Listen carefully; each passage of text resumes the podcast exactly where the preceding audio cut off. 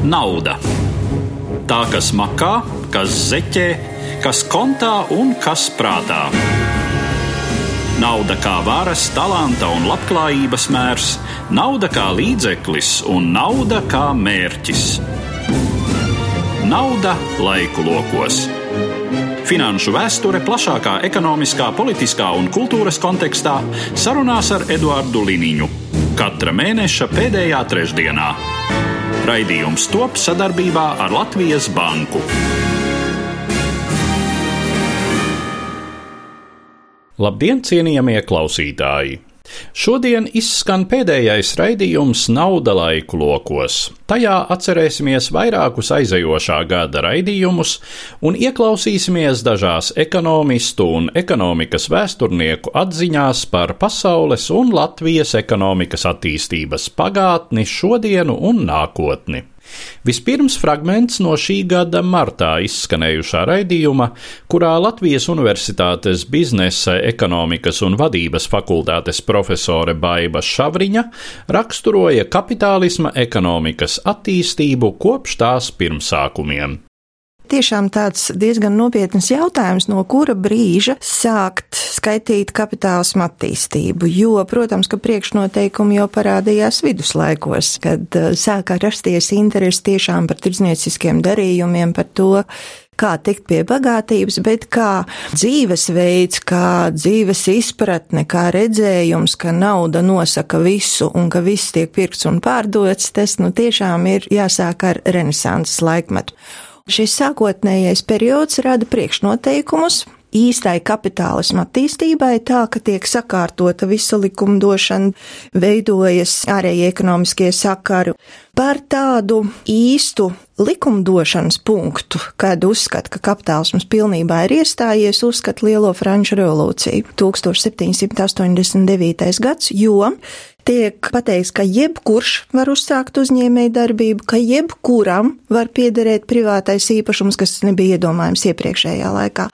Galvenās uzņēmēja darbības formas, uzņēmuma formas tiek noformulētas likuma formā. Tā kā tas ir tiešām tāds robežu punkts, ka mēs uzskatām, ka priekšnoteikumi visi ir izveidoti. Pēc tam tāds liels, liels pārāvums, kurš burtiski sāk dzīt visu ekonomisko attīstību straujā ritmā uz priekšu, būs rūpnieciskais apvērsums. Tas ir ilgstošs process, un katrā valstī tas notiek citā periodā, bet patiesībā tas nozīmē pārēju no roku darba uz mašinizēto ražošanu, kas nozīmē arī to, ka no manufaktūrām pārgāju uz kapitalistiskajām fabrikām, bet tā kā preču daudzums pieauga vienkārši nenormālos apjomos, tātad vietējais tirgus tirgus to vairs nespēja absorbēt, un tāpēc šīs kapitāliskās fabrikas uzreiz ražoja pasaules tirgumu. Līdz ar to arī tas redzējums ar rūpniecisku apvērsumu ir pilnīgi cits. Nu, tālāk varētu izdalīt nākamo posmu, kurš sākas ar 19. gadsimta beigām, 20. gadsimta sākumu,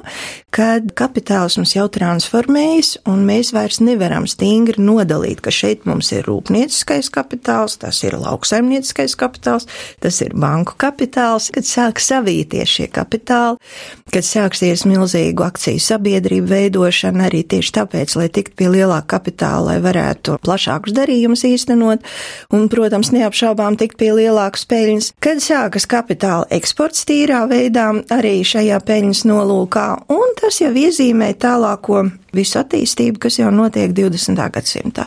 Bet 20. gadsimtā pēc otrā pasaules kāriņa varētu iezīmēt kā lūzuma posmu 70. gadus, kad mums parādās pilnīgi jaunas tehnoloģijas un um, Mainās arī pasaules uztvere, sāksies internacionalizācijas laikmets, globalizācijas laikmets ar milzīgu starptautisko ekonomisko organizāciju nozīmi un lomu, kā nevairs nacionālā valsts ir galvenā spēlētāja pasaules arēnā, bet jau šīs starptautiskās organizācijas un tādas supranacionālās struktūras. Visā šajā, manuprāt, tas interesantākais ir tiešām laika posms, kas ir saistīts ar rūpniecisku apvērsumu jo tas maina pilnīgi visu. Tas maina rūpniecības nozaru struktūru, parādās nepieciešamība pēc tādām nozarēm, kuras līdz tam nu, bija, jā, bet eh, pēc tam nebija tāda vajadzība. Rūpnieciskais apvērsums tā tad ir ražošana ar mašīnām, tā tad pirmām kārtām rodas mašīnu būve. Pašas mašīnas, tam ir jābūt izturīgām, tāpēc tās ražo no metāla, tā tad metalurģijas attīstība. Savukārt, tā kā tas bija tvaika dzinējs, tad mums ir nepieciešams darbināt šo dzinēju, tā bija ogļu ieguve. Un plus paralēli nāca ķīmiskā rūpniecība, un te es varu minēt tādus piemērus, kas ļauj saprast šī apvērsuma būtību. Piemēram, ķīmiskajā rūpniecībā, kad tika izgudrota soda, tas bija apvērsums pats par sevi, jo līdz tam audums balināja saulē. Nu, un tad var iedomāties to laiku patēriņu, kas bija uz viena auduma gabalu, lai to izbalinātu saulē un dabūtu baltu un ķīmisku reakciju. Sākot ar rūpniecisko apvērsumu, nepārtraukti visa tehnoloģija attīstība ir gājusi tādējādi, lai izspiestu cilvēku darbu, un mašīnas pārņem visu ražošanu. Tanī brīdī arī sāk veidoties tehnoloģiskais bezdarbs, kurš mūsdienās ir tikai attīstījies un progresē, un, un šodien mēs runājam par mākslīgo intelektu, kas aizstāja cilvēka darbu jau ļoti daudz kur. Tā kā arī šādas izmaiņas, kas izsauc, protams, milzīgu neapmierinātību, sociālo neapmierinātību, protestus, mašīnu laušanu, streikus un tā tālāk. Savukārt šī gada maijā sarunā ar Latvijas Universitātes biznesa, ekonomikas un vadības fakultātes profesoru viesturu Paulu Karnupu pievērsāmies ekonomiskajiem procesiem laikā starp abiem pasaules kariem, sevišķi šī laika attīstībai savu valstiskumu iegūšajā Latvijas republikā. Bet Latvija griezās uz lauksaimniecību īpaši divas produktus. Galvenais bija koksne, un otrs bija lini. Uz šo pamatu mēģināja atjaunot un paplašināt lauksaimniecību. Bija daži, kas mēģināja atjaunot rūpniecību, bet ne tādā plašumā un tik apjomīgi, kā bija pirms Pirmā pasaules kara, kad bija fabrikas ar desmit tūkstošu strādniekiem. Tādi vairāk nebija. Tātad visi kārti, ja grib tā teikt, tika uzlikts uz lauksaimniecību.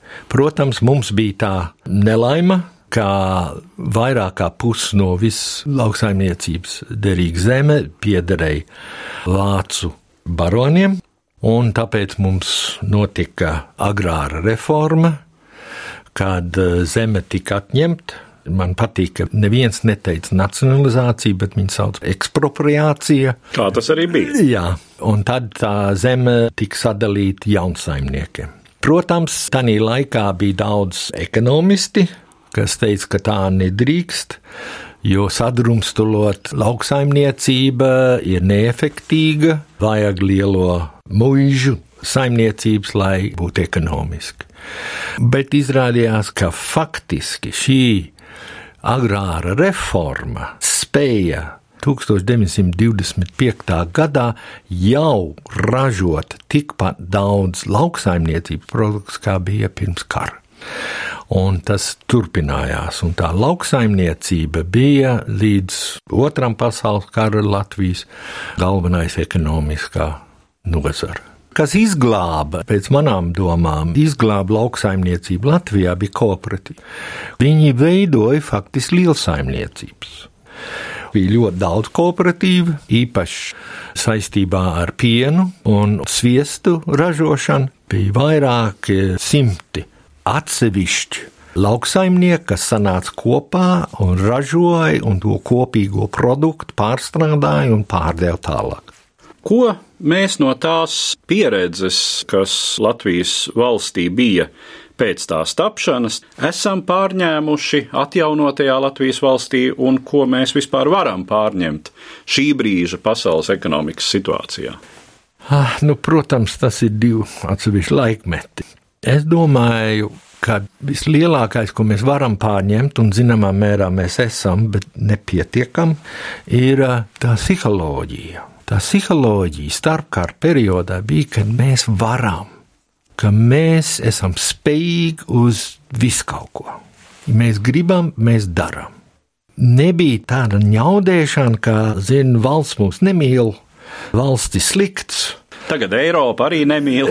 Tagad mums pēdējā laikā Eiropa nemīl, drīz viss pasaule mums nemīlēs. Nebija tāda tik izteikta ņaudēšana, un es domāju, ka tas būtu tas galvenais, ko mēs varētu no tā pieņemt. Tā ekonomiskā sistēma, nu, protams, mēs vairāk neesam lauksaimniecības zem. Mums vajag skatīties, kādā veidā mēs varam rūpniecību attīstīt, kā var teikt, uz to saucamo trešo pakāpi, prom no industriāla fabrikām uz kaut ko, ko mēs saucam par high-tech ražošanu. Bet tas nav tik vienkārši. To vajag gribēt, vajag mērķtiecīgi uz to darboties.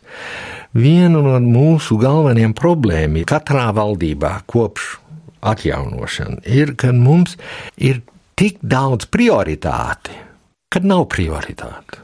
Nav tā, ka, teiksim, šogad mēs visu kaut ko sataisīsim saistībā ar izglītību. Vispār jau mēs turēsim, kāds viņš ir, nekas nepiliks klāt, viss ies uz izglītību. Mēs sataisīsim to sistēmu, mēs mēģināsim veidot to darbu spēku, ko mēs gribam, lai šeit strādā.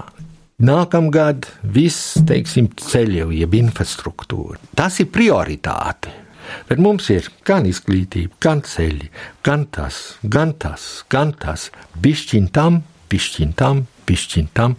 Iznāk, ka nevienam nekad nav pietiekami, un ceļiem vēl joprojām ir bedres, izglītības sistēma kārtīgi reiz tiek reformēta, un emigranti turpinā atstāt Latviju. Un mums drīzumā būs darbspēka problēma. Pirms kara Latvijā arī bija darba spēka problēma, bet tas bija tāpēc, ka cilvēki atstāja laukus, lai strādātu pilsētās.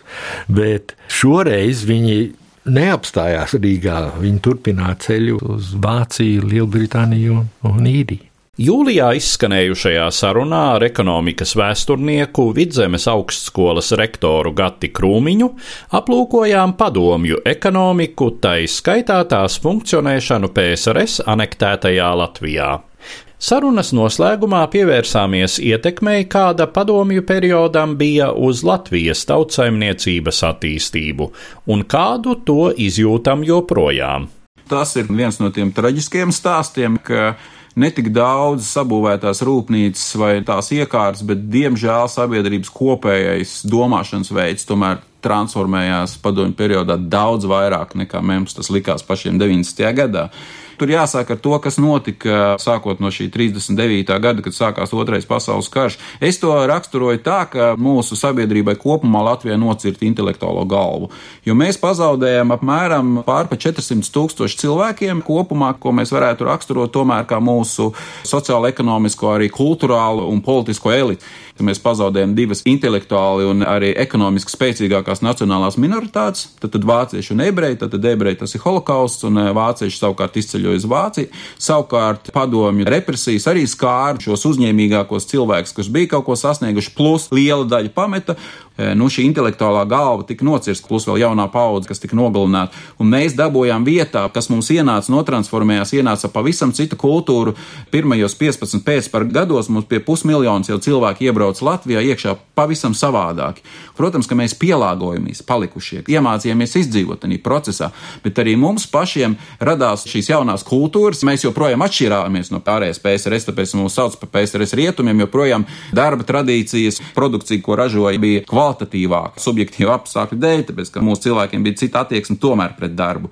Bet eh, mēs notransformējamies un mums pašiem radās bailes par to, ka kāds ir bagātāks, bailes, ka kādam kaut kas ir vairāk, atbildības sajūtas. Un, diemžēl es paskatos, piemēram, augstākās padomas jau ievēlētās, kas nobalsoja par 4. māju 991. gadā, kad sāk runāt par ekonomiskām reformām. Tur taču virkni deputāti saka ārprāts, Bet ja mēs atdosim, nu labi, tās mazās mājas, bet mēs taču nevaram atdot daudz dzīvokļu mājas, kas tad notiks? Ka kādam piederēs kaut kas vairāk, un to runā cilvēki, kas ir pārliecināti tālfrontieši, kas saka, mums vajag neatkarīgu Latviju, bet izpratni par procesiem, un diemžēl, un es teiktu, ka tas ir tas, kamēr šīs paudzes nenomainās, Tā pašā Austrumvācijā taču arī tik milzīga nauda investēja Rietumvācija, kad apvienojās Vācijas un nenotika visu tā uz līdzekļu pavēli, jo tie cilvēki ir savādāki. Un, ja viņš domā savādāk, viņa attieksme pret lietām, viņš nemāk plānot, viņš nemāk salikt loģiskā secībā lietas, kā viņš nonāk līdz kaut kādam rezultātam. Politiskās elites līmenī, arī intelektuālās elites līmenī tie padomju standarti un kā padomju laikā pieņēma šos lēmumus bija pavisam savādāk.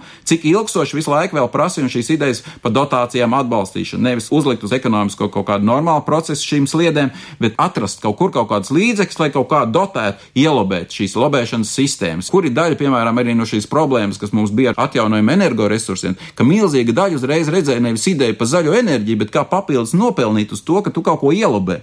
Rietumos arī ir tādi cilvēki, bet mums tas vienkārši ir daudz lielākā apjomā joprojām. Nauda laiku lokos. Sarunas ar Eduardu Liniņu par finanšu vēsturi plašākā ekonomiskā, politiskā un kultūras kontekstā. Raidījums top sadarbībā ar Latvijas Banku.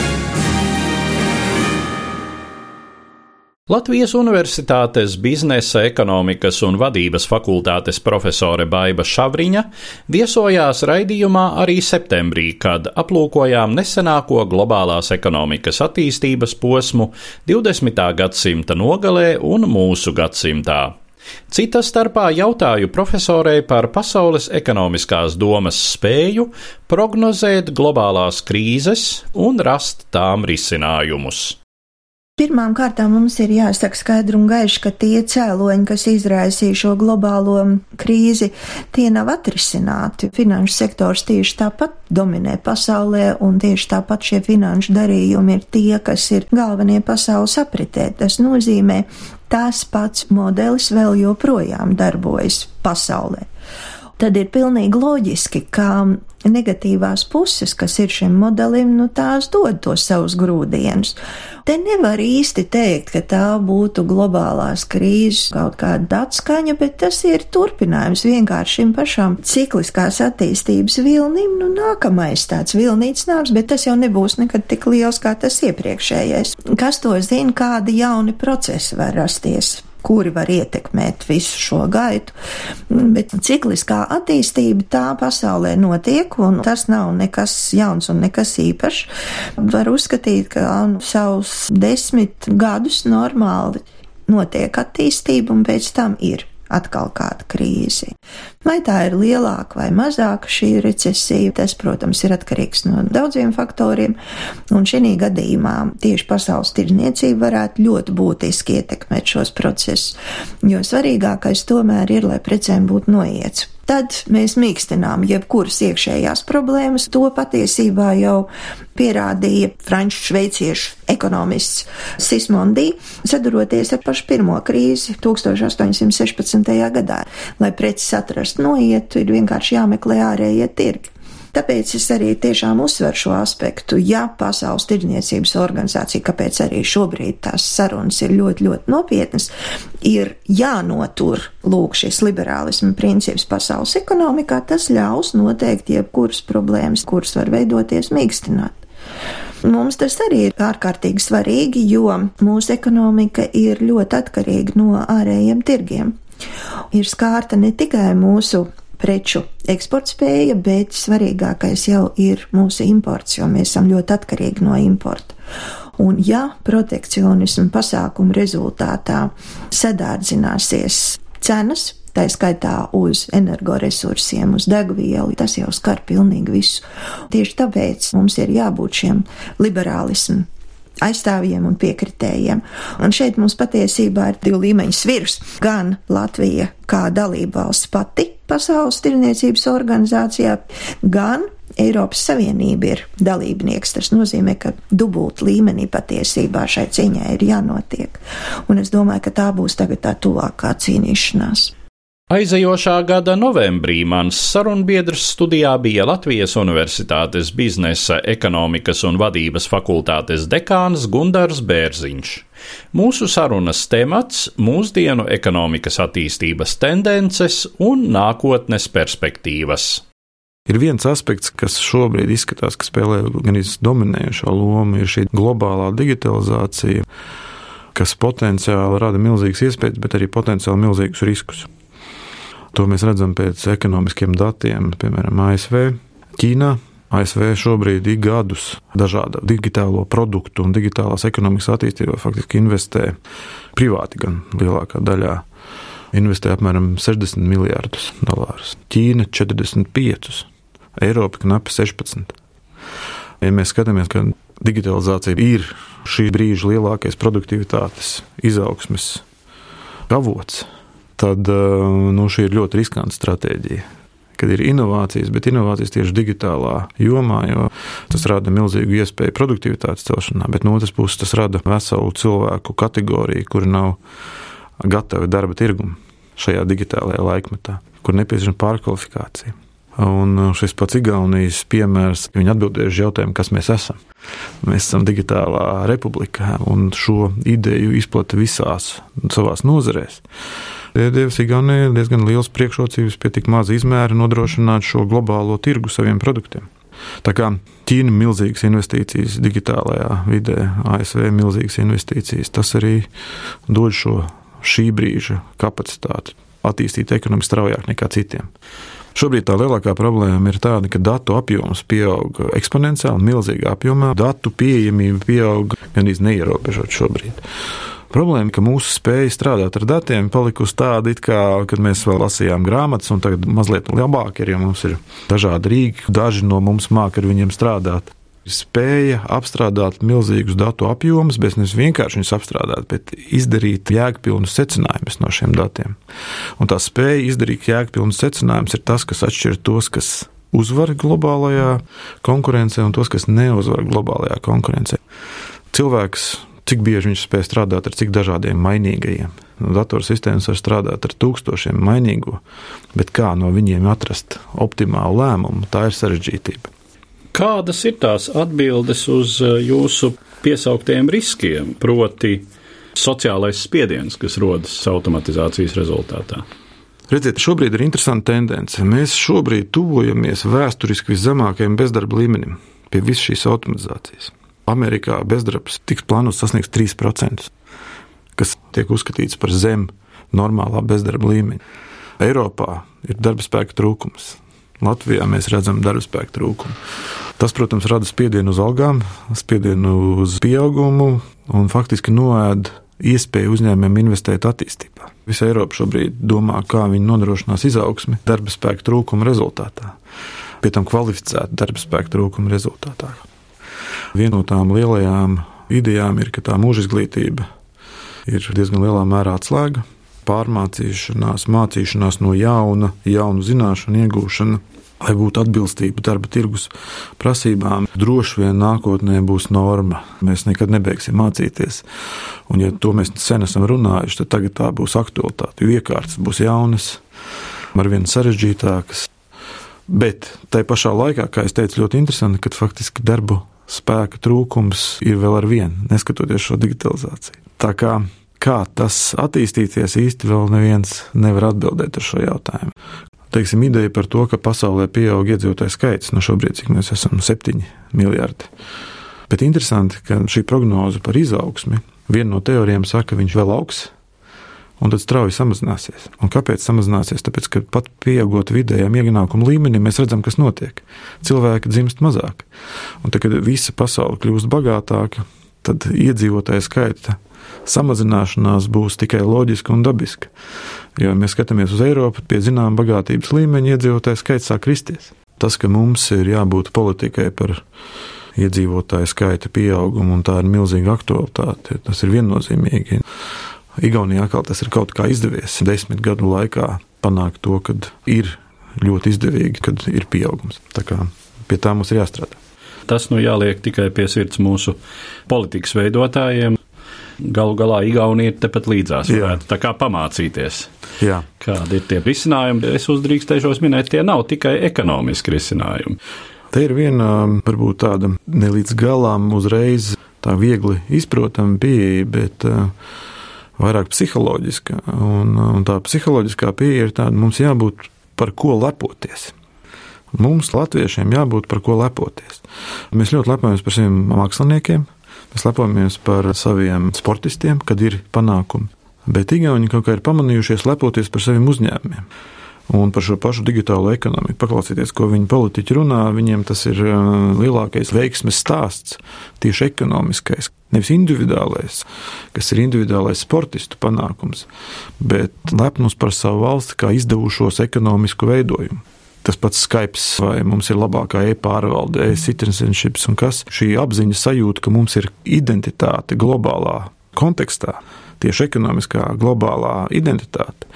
Jā, es tur esmu, es gribu tur piedalīties, tāpēc es esmu šeit. Es piedaru stabilam, veiksmīgam kopumam, ar tradīciju, bet arī ar izaugsmes perspektīvu. Jā, un šī pieeja faktiski ilgtermiņā nodrošina šo cilvēku vēlmi tur uzturēties.